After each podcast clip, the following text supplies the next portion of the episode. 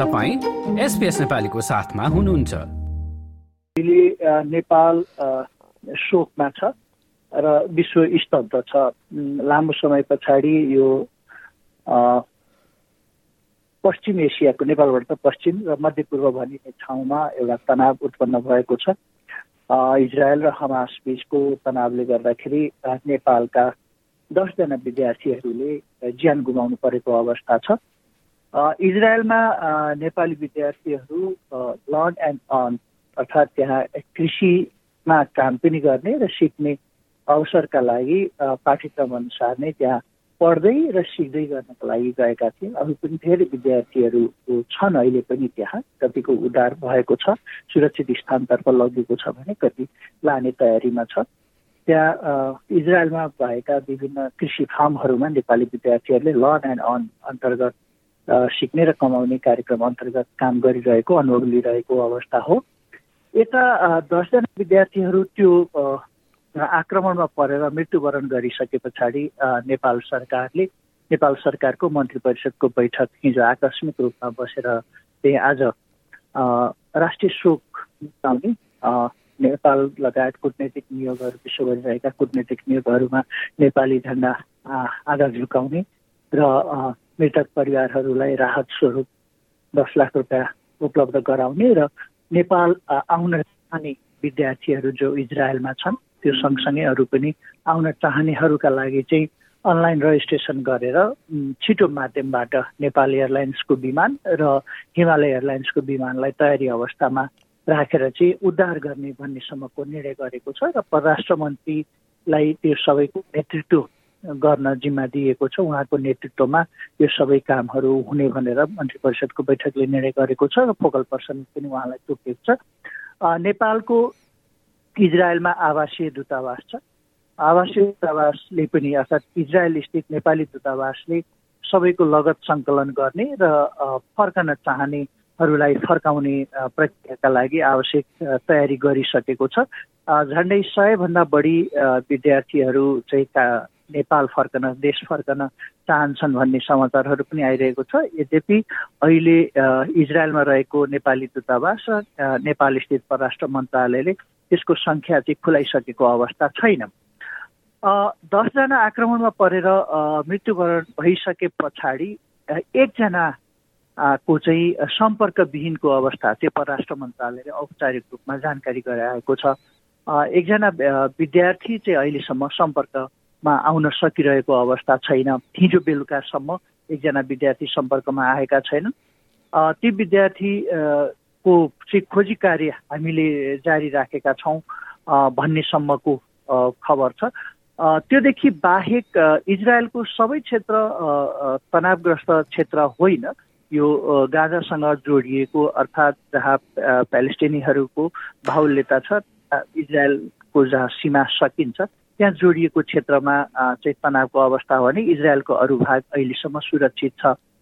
र यो उद्धार र उनीहरूलाई स्वदेश फर्काउने कुराहरूमा यस्तो अवस्थामा त्यो देशले चाहिँ हवाई उड्डयन अवतरणका लागि अनुमति दिनुपर्ने हुन्छ। त्यसले गर्दाखेरि पनि अहिले समाचारहरूमा आए जस्तो नेपाल सरकारले किन यति छिट्टै उद्धार गरेन किन चाहिँ आफ्नालाई ल्याउन खोजेन भन्ने हुन्छ। सँगसँगै त्यो देशले पनि मैले सुरक्षित राख्न सक्छु भन्ने अवस्था रहिरहँदाखेरि पनि होइन हाम्रा नागरिक लान्छु भन्न सक्ने अवस्था हुँदैन। यो कुटनैतिकभित्रको कुरा पर्छ।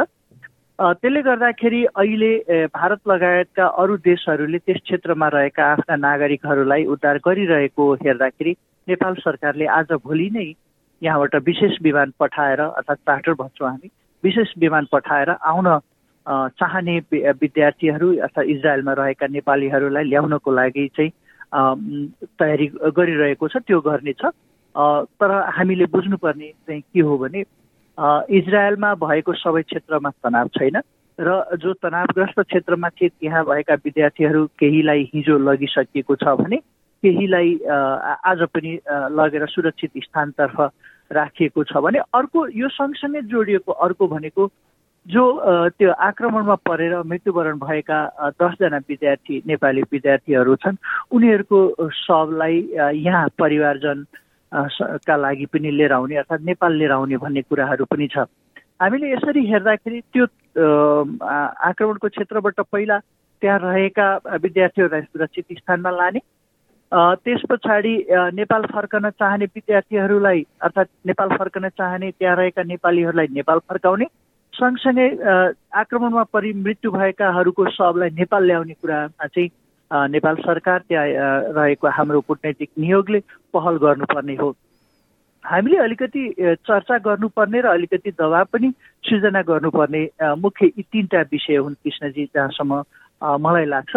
यसमा चाहिँ अलिकति छिटो गर्न सकिन्छ। अलिकति छिटो गर्न सकिन्छ किनभने अरू देशहरूले आफ्ना नागरिकहरूलाई ल्याउन थालिसकेको अवस्थामा हामी किन चाहिँ अहिले पर्खेर बसिरहेका छौँ भन्ने चाहिँ हामीले ती अधिकारीहरूसँग र मन्त्रालय या सरकारसँग चाहिँ सोध्नुपर्ने अवस्था चाहिँ हो। त्यस कारणले पनि अलिकति आलोचनात्मक टिप्पणीहरू बाहिर आएको हुन सक्छ तर यस्तो अवस्थामा अलिकति समय चाहिँ लाग्छ किनभने त्यो देशले पूर्णतः स्वीकृति दिनुपर्ने अवस्था हुन्छ।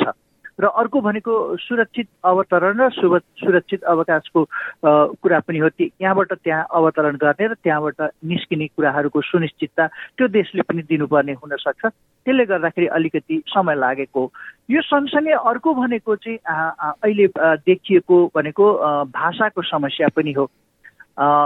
इजरायलमा हिब्रू भाषा बोलिन्छ र हाम्रा विद्यार्थीहरू कि नेपाली जान्दछन् र कि चाहिँ अङ्ग्रेजी जान्दछन्। र त्यहाँ यो हाम्रा नेपालीहरू कहाँ कस्तो अवस्थामा छन् कति सम्पर्कमा आए कति सम्पर्कमा आउन सकेका छैनन् त्यहाँ रहेका अरू स्थानीय या अरू चाहिँ निकायहरूसँग कसरी सम्पर्कमा छन् भन्ने कुराको लागि चाहिँ हिब्रू भाषा जान्ने त्यसमाथि पनि अझ दो भाषा त्यसलाई अनुवाद गरेर अङ्ग्रेजीमा भन्न सक्ने र हिब्रू भाषामा स्थानीयसँग पनि कुरा गर्न सक्ने व्यक्तिको खाँचो चाहिँ देखिएको समाचारहरूमा आएका छन्। त्यसमा नेपाली दूतावास इजरायलमा रहेको नेपाली दूतावासले स्थानीय केही व्यक्तिहरूलाई चाहिँ हिब्रू भाषा जान्ने र अङ्ग्रेजीमा त्यसलाई अनुवाद गरेर भन्न सक्ने व्यक्तिहरूलाई नियुक्त गरेर पनि त्यो काम अगाडि बढाइसकेको छ। कृष्णजी। लाइक र कमेन्ट गर्नुहोस्। एसपिएस नेपालीलाई फेसबुकमा साथ दिनुहोस्।